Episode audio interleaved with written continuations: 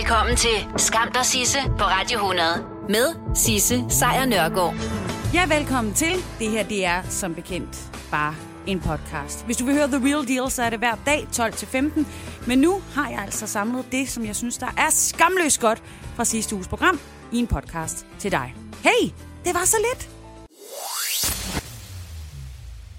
Og i 10 år har det altså været øh, ja, ekstra nemt at komme til at komme ud og danse med en, øh, en fremmed for en øh, aften, fordi i dag, der fylder appen øh, Grinder 10 år. Og hvis du så sidder og tænker, jamen hvad er det nu Grinder er? Jamen det er en app, som øh, har været et øh, blændende godt redskab for rigtig mange homoseksuelle mænd til at finde øh, alt fra som bekendt den store kærlighed derude. Eller øh, bare til et, øh, ja, en lille dans med en fremmed i, øh, i natten. Den her app var nemlig den første, som der gjorde øh, brug af GPS'en, der er indbygget i vores smartphone, altså de her lokationstjenester. Og øh, da den ligesom havde, øh, var gået i gang i 2009 og fundet ud af, at det fungerer egentlig meget godt, jamen så tog Tinder og Happen også over, og så hoppede resten af os øh, øh, heteroseksuelle og alt ind imellem øh, med på bølgen og forsøgte at finde en date via de her apps. Og det er en god ting. Det er jo ret nemt for øh, heteroseksuelle derude at gå ud og finde sig en at være sammen med, fordi det er øh, normen at være heteroseksuel. Men hvis man er homoseksuel, så har det ikke altid været øh, nemt, og jeg vil sige, det er det nok heller ikke. Stadigvæk rigtig mange steder, men nu har Grindr gjort det lidt nemmere for nogen. Øh, men det der med at gå ud og sige, at man øh, er homoseksuel, det har historisk set haft øh, negative konsekvenser for mange. Simpelthen ved, at øh, ikke, ikke homoseksuelle har fundet ud af, at det var ikke lige noget for dem, og så har vi så hele balladen om hadforbrydelser. Så derfor har Grindr altså gjort en, øh, en god ting.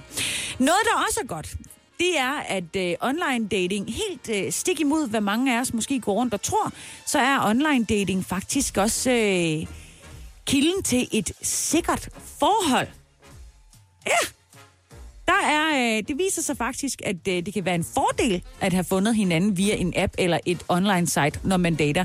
Øhm, de, der i, øh, en undersøgelse, der selvfølgelig er lavet om det her, havde mødt hinanden øh, online, de gik ikke fra hinanden hurtigere end de, der havde mødt hinanden øh, i virkeligheden for første gang. Og desuden så blev de, der mødtes på nettet, også hurtigere gift. Og årsagen til det kan være, at man øh, udveksler al information omkring hinanden online, inden man mødes første gang. Det vil sige, at man bliver ikke overrasket, og man ved, hvad det er, man går ind til, og på den måde bliver det også nemmere at finde lige præcis den type, som man søger.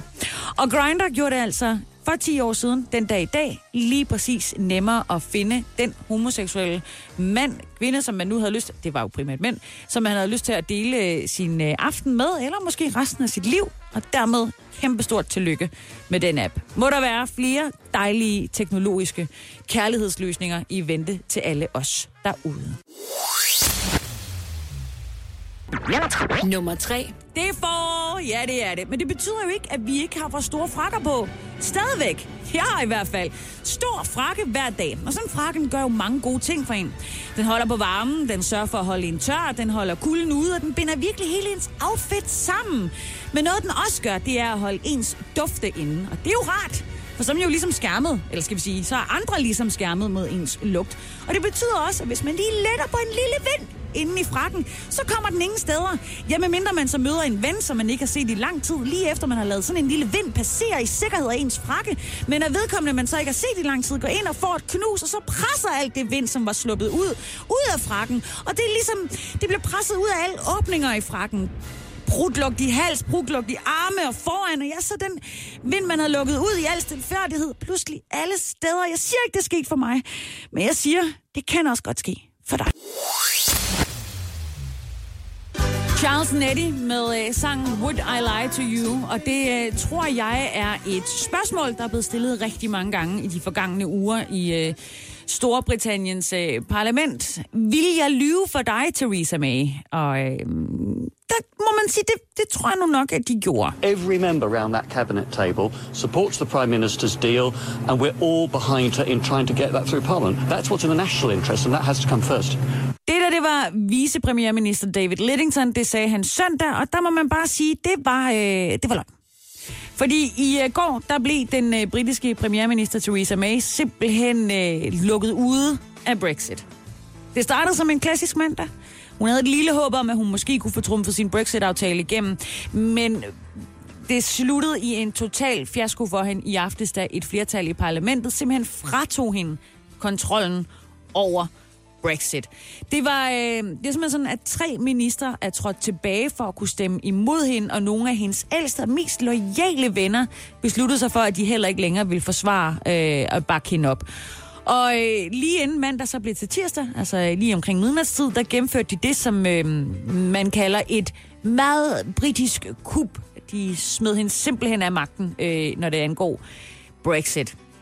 Så i dag, der er britterne altså, er der engang vågnet op til endnu en uh, what the fuck dag i dramaet om deres Brexit.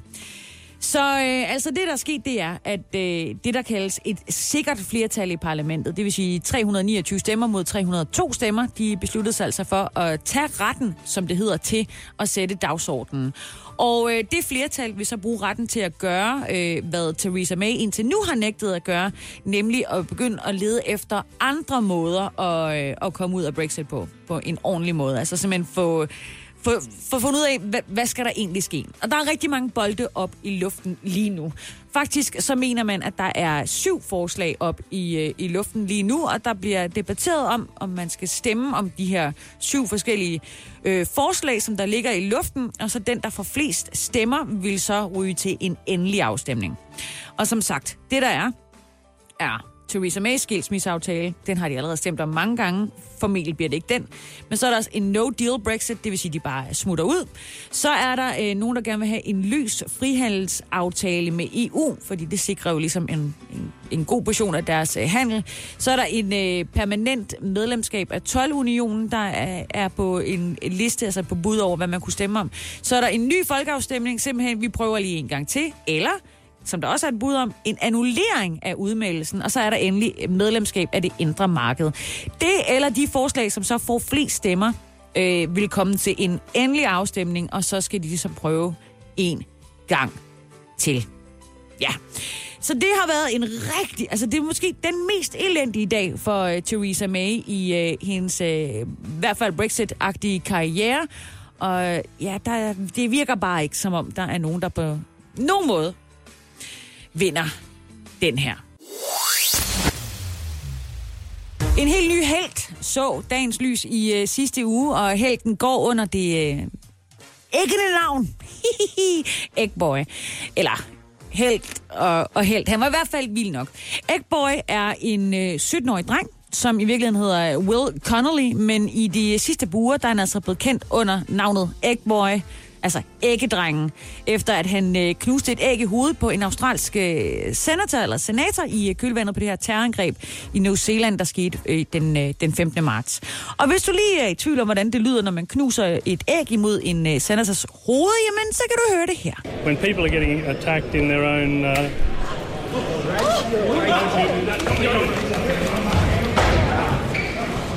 Det er øh, senator Fraser Anning, som altså har modtaget øh, hæfter kritik i øh, både ind- og udland, da han kort tid efter terrorangrebet i, i Christchurch udtalte, at angrebet var en forudsigelig konsekvens af frygten for ukontrolleret indvandring. Det er ham, der får et æg i hovedet, fordi da han så under et tv-interview begynder at uddybe sine, sine holdninger, så dukker Will Connolly op i baggrunden, og så klasker han så et æg i hovedet på senatoren. Og den her video af hændelsen, hvor senatoren Satan altså også vender sig om ret prompte og altså kæmpe slår den 17-årige dreng i ansigtet. Den gik straks viralt, og øh, æggedrengen, som han øh, bliver kaldt, altså Eggboy, er på mange steder blevet, øh, på internettet blevet hyldet for, øh, for sin øh, selvtægt. Men nu har Eggboy altså for første gang selv været ude og, og tale med pressen om, hvad, øh, hvad han synes, at der er op og ned i øh, den her situation. Og jeg vil lige øh, beklage lyden, fordi den er øh, optaget fra noget australsk tv, hvor de åbenbart er rigtig vilde med at putte noget hæftig musik under. I understand what I did was not the right thing to do. However, this egg has united people and you know, money has been raised, tens of thousands of dollars has been raised for those victims. Ja, så uh, Will Connolly, også kendt som Eggboy, han siger altså, det, jeg forstår, at det ikke var den rigtige ting at gøre, men han forklarer også, at han var vred over, at uh, senatoren havde uh, forsøgt at lægge skylden for angrebet på, uh, på offrene selv, kan man jo ikke øh, bebrejde øh, Will Connolly. Jeg ved vred over, men det er så bare mig. Øh, og så øh, siger han så også, at ægget på en eller anden måde har forenet folk verden over i kampen mod fremmedhad. Og at den her episode med ægget altså har været med til at skaffe penge til de pårørende, øh, til dem, der, der blev dræbt i, øh, i angrebet. Så efter øh, Will Connolly's øh, ægangreb, altså, så øh, blev der startet et øh, crowdfunding-projekt, hvor personer over hele verden har doneret penge til en øh, øh mulig retssag for Will Connolly, og til at købe flere æg for. Øh, og indtil videre, så er der altså også blevet indsamlet rigtig mange penge til de efterladte. Som sagt øh, er der indsamlet flere 100.000 kroner, faktisk 375.000 kroner på en GoFundMe-side. Så han er altså glad for Will Connolly for at kunne sende penge videre til de efterladte. Men han er også lidt ked af det over, at hele den her ægge happening på en eller anden måde har fjernet fokus for offrene. Og det vil han gerne beklage. Ikke at han smadret et æg i hovedet på øh, senatoren, bare ja, at det tog sådan lidt opmærksomheden for alt det vigtige. Hej bloggen! Det ved jeg ikke, om du øh, måske har lyttet til et par gange. Det er øh, primært bloggere, YouTuber, influencers i det hele taget, som øh, benytter sig af den sætning. Og det er øh, oftest fordi, at de gerne lige vil fortælle lidt om, hvad de laver, men det er også nogle gange fordi, at de har fået nogle gaver, øh, som de bruger, og så tænker du, dem vil jeg også gerne have. Og det kan være alt, som de har fået. Det kan være orme til en øh, kompostbunke, eller det kan være tøj, som er smart, eller makeup, der virker på enestående må- måder, eller det kan også være hele lejligheder, som der skal reklameres på på den ene eller den anden måde.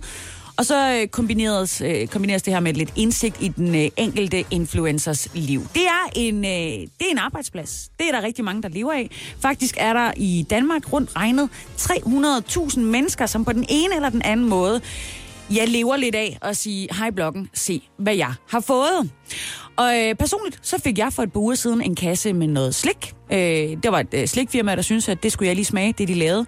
Og når jeg så øh, får det, jamen så skal jeg øh, skrive ned i øh, min øh, forskudsopgørelse, hvad det koster, eller hvad sådan en øh, pose kasse slik koster. Jeg skal selv værdiansætte det, og det er lidt mærkeligt, men det er så, hvad det er. Og så skal jeg så betale skat af det. Og det er jo sådan, det er, det burde være ret nemt, men det er det ikke.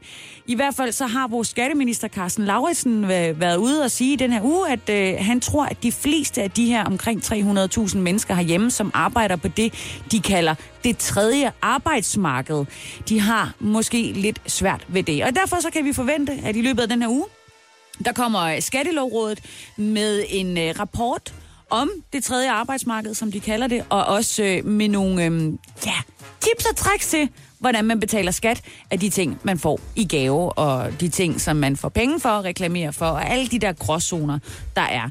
Og det er altså her, hvor de her 300.000 danskere, der arbejder, som hverken er lønmodtagere eller selvstændige erhvervsdrivende, men et eller andet in between, de har svært ved øh, at afgøre, hvor meget de skal betale i skat, og det har myndighederne også. Og så er det jo, at der er lidt Bix Bakseri.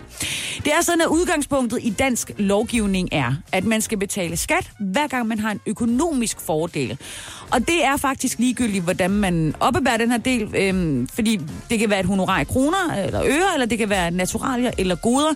Det skal i hvert fald være sådan, at hvis man vinder noget på det, jamen så skal man betale noget af det. Så ved du det. Næste gang du ser, at der reklameres for et eller andet, fordi det gør der jo øh, rundt omkring. Ja, øh, øh, altså angiveligt er 300.000 mennesker herhjemme, og det er vel reelt set det, der er den store nyhed i den her uge. At 300.000 mennesker er så freaking nice herhjemme, at de kan leve af det. Bare vil lægge et billede op. Det er da mega nice. Kæmpe like til alle jer, der kan det. Nummer 3. Noget, jeg til gengæld har fået, det er en datter. Ja, det er ikke nogen nyhed, hun bliver snart fem, men øh, med hende der har jeg også fået timevis af underholdning, kærlighed i uanede mængder, og så mange kys, jeg overhovedet kan klare. Og så har jeg fået et ordentligt hug med tålmodighedsøksen, fordi øh, det har jeg ikke. Tålmodighed. Slet ikke, når barnet gerne vil klippe gækkebreve, men insisterer på at klippe det helt af helvede til, og slet ikke efter de streger, som jeg så fint har sat til hende. Og så siger hun, at hun gør det bedste, hun kan, og jeg sidder der 36 år gammel og ret voksen, og vi er eksploderet over, at hun for helvede ikke holder ordentligt på saksen, og nu har hun igen klippet hul i papiret på det forkerte sted. Og hun bliver ked af det, og jeg bliver verdens mest lamme mor, og så overtager far. Og så er alting selvfølgelig godt igen. Det kan jo være svært at have tålmodighed i øh, de her dage. Der er rigtig mange danskere, og det gælder i øvrigt resten af verden også, der øh, øjensynligt lider af det, der hedder politikerlede. Vi tror ikke på politikerne mere, og vi overgår dem ikke, og det er noget baksværk. Det er det altså for demokratiet i øh, al almindelighed og for vores almene velbefindende. Nå, men Alexandra Ocasio-Cortez, hun er et, øh, et nyt medlem af repræsentanternes hus. Hun øh, stillede op for demokraterne og blev altså valgt ind her i øh, efteråret sammen med en, øh, en lindstrøm af kvinder. Det var øh, et spændende, dejligt historisk øjeblik, men allerede nu, der viskes der også om, at hun kan gå hen og være en øh, potentiel præsidentkandidat. Altså ikke til nu, men, men senere. Lidt senere. Hun skal lige lære nogle ting. Hun har nemlig været lidt ude og svømme med en øh, klimaaftale, den såkaldte Green Deal, som øh, republikanerne har skudt med skarpt efter. Da der var nogle bemærkninger i den, som i deres ører lød socialistiske. Og socialistisk er det værste, man kan være i USA, fordi det øh, lugter af kommunisme, og det, mine damer og herrer, det er den rene ondskab. Den er rene ondskab. Så øh, når man lige sætter det til side, så endte øh, Ocasio Cortez i en øh, høring om den her Green Deal. Og i den, der forsøgte republikanerne altså at kalde aftalen for elitær. Og lider du som bekendt også af den her politikerlede, som jeg har snakket lidt om, så vil jeg anbefale dig at lytte efter nu. For det her var hendes reaktion. Aside from that, when we talk about uh, the concern of the environment as an elitist concern, one year ago, I was waitressing in a taco shop in downtown Manhattan. I just got health insurance for the first time a month ago. This is not an elitist issue. This is a quality of life issue. You want to tell people that their concern and their desire for clean air and clean water is elitist? Tell that to the kids in the South Bronx, which are suffering from the highest rates of childhood asthma in the country. Tell that to the families in Flint whose kids have their blood is ascending in, in lead levels. Their brains are damaged for the rest of their lives. Call them elitist. Tell, you're telling them that those kids are trying to get on a plane to Davos? People are dying. They are dying. And the response across the other side of the aisle is to introduce an amendment five minutes before a hearing and a markup. This is serious. This should not be a partisan issue. This is about our constituents and all of our lives. Iowa, Nebraska, broad swaths, swaths of the Midwest are drowning right now, underwater farms, towns that will never be recovered and never come back. And we're here, and, and people are more concerned about helping oil companies than helping their own families? I don't think so. I don't think so. Ja, og der var hun altså vel at mærke kun lige varmet op her, Alexandra Ocasio-Cortez. Og det kan man da kalde en, øh, en brandtale som fængede, og som bekendt, så øh, slutter den ikke der. This is about our lives. This is about American lives. And it should not be partisan. Science should not be partisan. We are facing a national crisis. And if we do not ascend to that crisis, if we do not ascend to the, to, to the levels in which we were threatened at the Great Depression, when we were threatened in World War II, if we do not ascend to those levels, if we tell the American public that we are more willing to invest and bail out big banks than we are willing to invest in our farmers and our urban families, then I don't know what we're here doing. I don't know what we're here doing. Ja, men altså, The Green Deal, den blev så ikke til noget alligevel, til trods for den her ellers fine tale, som hun kom med. Hjælp en, du holder af med at tage det første skridt til bedre hørelse. Få et gratis og uforpligtende hørebesøg af Audionovas mobile hørecenter. Så klarer vi det hele ved første besøg, tryk dig nemt i eget hjem. Bestil et gratis hørebesøg på audionova.dk eller ring 70 60 66 66. Nå, det var jo oprindeligt hendes øh, mand, som var den interessante. Han blev stemt ind i det hvide hus ikke bare en, men to gange, og så var han derudover også den første sorte præsident i USA. Selvfølgelig Barack Obama, jeg taler om. Men øh, nu ser det ud som om, at det er hans øh, kone, Michelle Obama, som i den grad stadigvæk vinder hjerter verden over. Det gør hun på en måde, der gør hende stinkende rig. Hun er nemlig ved at slå en, øh, en stor rekord det er nemlig sådan, at hendes øh, erindringsbog, bogen der hedder Becoming, er på vej til at blive den mest solgte selvbiografi nogensinde, ifølge øh, chefen for det forlag, som står bag udgivelsen. Og der bliver jeg nødt til lige at sætte en, øh, en lille disclaimer ind. Nu har jeg brugt øh, en lille times tid på at finde ud af, hvad er så den mest solgte biografi nogensinde. Og det kan, jeg kan simpelthen ikke, jeg kan simpelthen ikke lure det. Så det kan være, at det er fuldstændig gratis at sige, at han, den er på vej til at blive den mest solgte, i og med, at øh, jeg er ikke sikker på, at der findes tal over, hvorfor en, der er den solgte. Mest solgte. Det er der sikkert. Jeg kan bare ikke finde dem. Men ikke desto mindre, så lader tallene jo ligesom fortælle en historie for sig selv, fordi hun udgav den her bog, Becoming, i øh, november sidste år. Det vil sige for, ja, fem måneder siden. Og på de fem måneder, der har den altså solgt omkring 10 millioner eksemplarer i alle mulige forskellige bogformater. Og det er altså de her salgstal, der kan tyde på, at øh, ja, Michelle Obama stadigvæk er enormt populær. Og muligvis, muligvis på vej til at blive den mest solgte øh, bogforfatter af sin egen biografi nogensinde. Ja, det var en svær sætning at komme afsted med. Nå, det er sådan, at øh, da de i tidernes morgen besluttede sig for, at øh, Michelle skulle skrive en bog, så var det simpelthen fordi, at øh, de også gerne vil have, at Barack Obama skulle skrive en bog. Øhm, det, den er ikke lige på, på vej endnu, åbenbart. Den lader vente på sig, men øh, rettigheden til øh, Michelles og Baracks øh, erindringer bliver altså solgt sammen, og det har angiveligt kostet omkring en halv milliard kroner. Øh, og der var det altså på det her tidspunkt sådan, at man tænkte, at det var Barack Obamas øh, bog, der blev betragtet som en rigtig god satsning, mens Michelles bog var sådan lidt mere det usikre kort, som man tog med, fordi ja, hvorfor ikke? Men det viser sig at være ubegrundet. Fordi hvem elsker ikke Michelle? Det er simpelthen sådan, at selv mennesker på Fox News, som jo er en erklæret øh, øh, øh republikansk øh, kanal, at der øh, har de også været ude at sige, at det her det er en historie, der, der, om man kan lide det eller ej, vækker genklang hos millioner af amerikanere, og synes også, at den, øh, bogen har ramt en nerve, som øh, republikanske fælder bør tage bestik af. Og det er jo et eller andet sted en kæmpe tommel op til en, øh, en bog. Ja. Herhjemme var den også øh, rigtig solgt. Det siger jo næsten sig selv. Ifølge Arnold Busk, så var bogen en af de allermest solgte i julehandlen. Det kan også have noget at gøre med, at hun selvfølgelig var på bogturné, hvor hun også ramte København, og det gav en masse palaver og larm. Men ikke desto mindre, kæmpe skud til Michelle Obama. Så venter vi bare på, at hun stiller op som præsident. Skam dig, Sisse på Radio 100 præsenterer dagens skamløse øjeblik. Prøv lige at høre, det her, det er magisk. Three, two, one, zero. All engine running. Liftoff. We have a liftoff. 32 minutes past the hour. Liftoff on Apollo 11. Woo! Lift off. Vi elsker den lyd. Jeg elsker den lyd. Jeg kan selvfølgelig ikke tale for dig.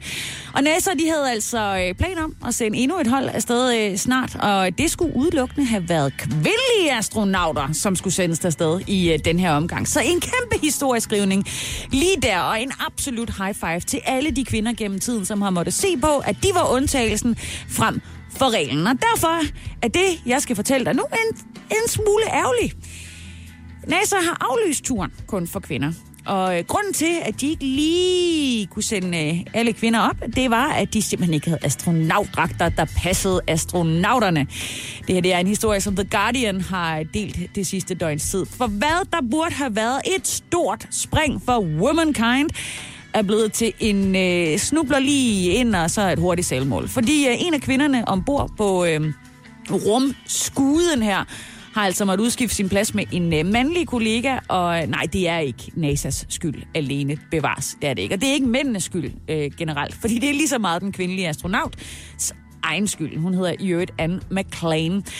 Hun troede, hun var en størrelse large. Det gør vi jo så tit. Og så havde hun trænet i en størrelse large dragt, men fandt så ud af, at hun er en størrelse medium. Og det ville altså være den bedste pasform for hende til sådan en tur ud i rummet. Og det er altså øh, åbenbart lettere så at skifte astronauten ud end dragten. Så hun må blive hjemme i øh, den her omgang og vente til, at hun får en dragt. Der er en størrelse medium til hendes petite kvindekrop. Og der skal nok komme en anden god gang. Det er jo ikke fordi, at kvinder ikke kommer ud i rummet bevares. Det er bare ikke særlig ofte. Den øh, første kvinde, der nogensinde kom ud i rummet, det var en øh, sovjetisk øh, kosmonaut. Hun hed øh, Valentina Tereskova. Hun øh, fløj ud i 1963. Og den første kvinde til at udføre en såkaldt space walk var den også sovjetiske kosmonaut Svetlana Savitskaya. Det var for 35 år siden.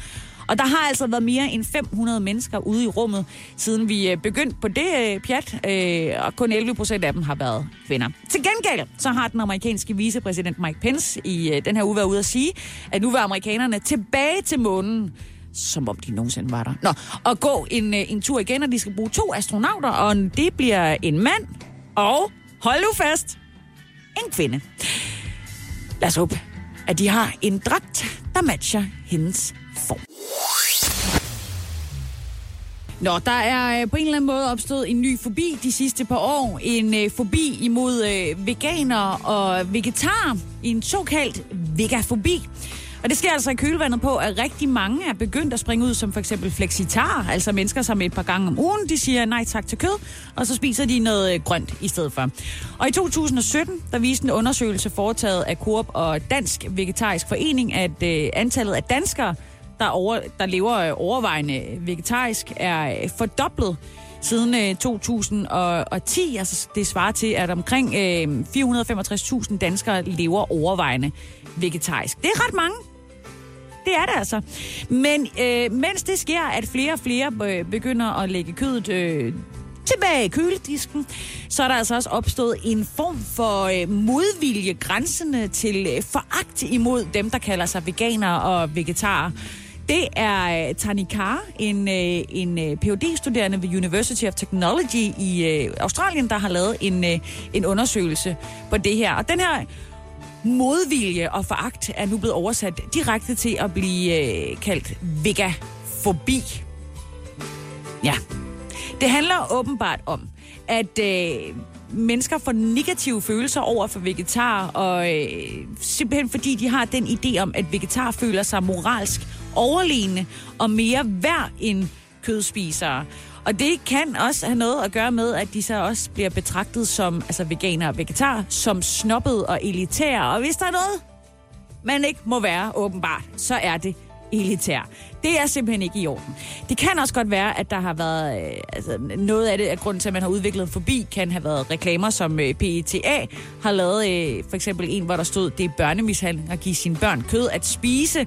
Og så er der jo også øh, opstået en form for øh, militant vega, veganerkultur, som øh, griber til mere øh, aktivistiske metoder.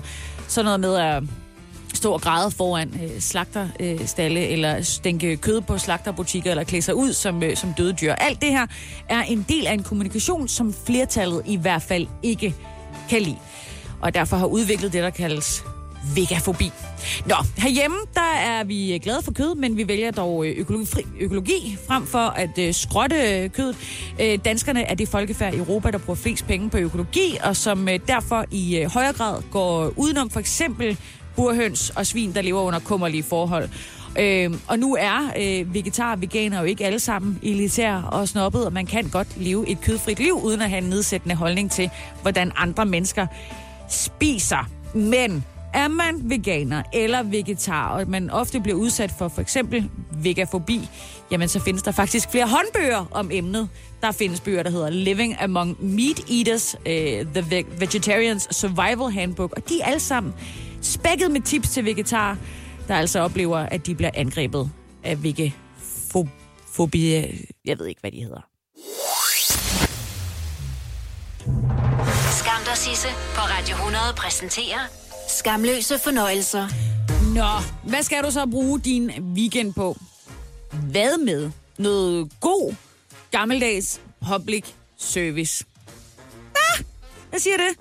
Nå, DR har i de sidste seks uger sendt det, der hedder Danmarks næste klassiker. Og det er et program, hvor øh, fem danske møbeldesignere skal forsøge at skabe Danmarks næste designklassiker. Og vi lever jo ligesom i et land, hvor design er noget af det ypperste, vi kan levere. Vi har i hvert fald et kartotek af designperler i øh, bagagen herhjemme. Og, og så er det jo så, at man står og tænker, hvad skal så tage over nu, hvor de øh, allerstørste møbeldesigner og genier i øvrigt er væk. Jamen der har DR et bud, og det er også derfor, at jeg synes, at du skal droppe Netflix og HBO, eller hvad du nu kører af, af en streamingtjeneste i weekenden, fordi det, jeres bud er fremragende. De her fem møbeldesignere, som øh, de er budt ind med, de har så hver især også et bud på nogle klassiske møbler, og så er der lidt konkurrenceagtige benspænd, som de så skal på en eller anden måde få arbejdet ind i det her design, der skal være langtidsholdbart. Men noget af det, der også er ret interessant og ret morsomt, det er, når de her møbler, som de har lavet, de fem designer, de står færdige, og det så er sådan, at helt almindelige danskere så skal ind og se, hvad det er for noget, der er lavet, og om det er noget, de har tænkt sig at bruge. Og helt almindelige danskere, de er, skulle jeg hilse at sige, ret svære at imponere. Hvad fanden er det her? Det ligner en, en udstilling på en eller anden måde. Jeg synes, det er ret fedt. Den er nærmest en skulptur. Den er sindssygt flot. Den er så flot. Ej, jeg vil ikke have den som spisbordstol. Det synes jeg ikke, den egner sig til. Det må man godt lige have sådan over et hjørne eller sådan, og sige, øh, prøv at se, hvad Barbara har købt. Sådan det, det, Du kan bevæge sig. Wow, Det er fandme smart. det er smart. Jeg synes, betrækket, det ligner lidt sådan nogle uh, mormorgardiner. Jeg er jo pensionist, men jeg vil aldrig købe sådan en stol. Det ser for gammeldags ud. Undskyld. Jeg kan godt lide den. Den ser pæn ud.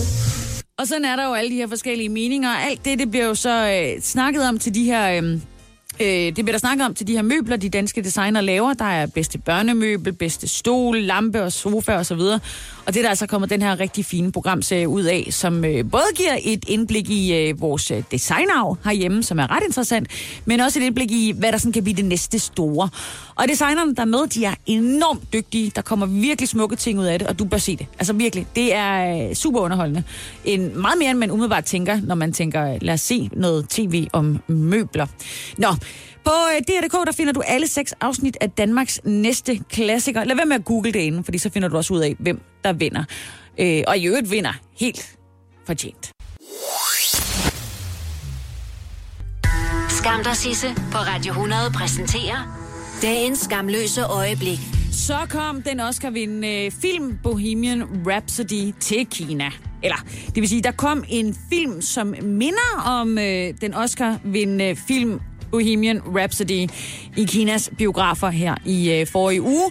Fordi det er ikke helt den samme film, som de ser i Kina, som de ser i resten af verden. Og det er en film, som PT skuffer det homoseksuelle miljø i Kina. Fordi de dele af filmen, som jo handler om den ikoniske forsanger Freddie Mercurys homoseksualitet, de er nemlig blevet klippet ud. De er simpelthen væk. Det eksisterer ikke. Den, det liv i Freddie Mercurys øh, store liv, det er, det er klippet ud.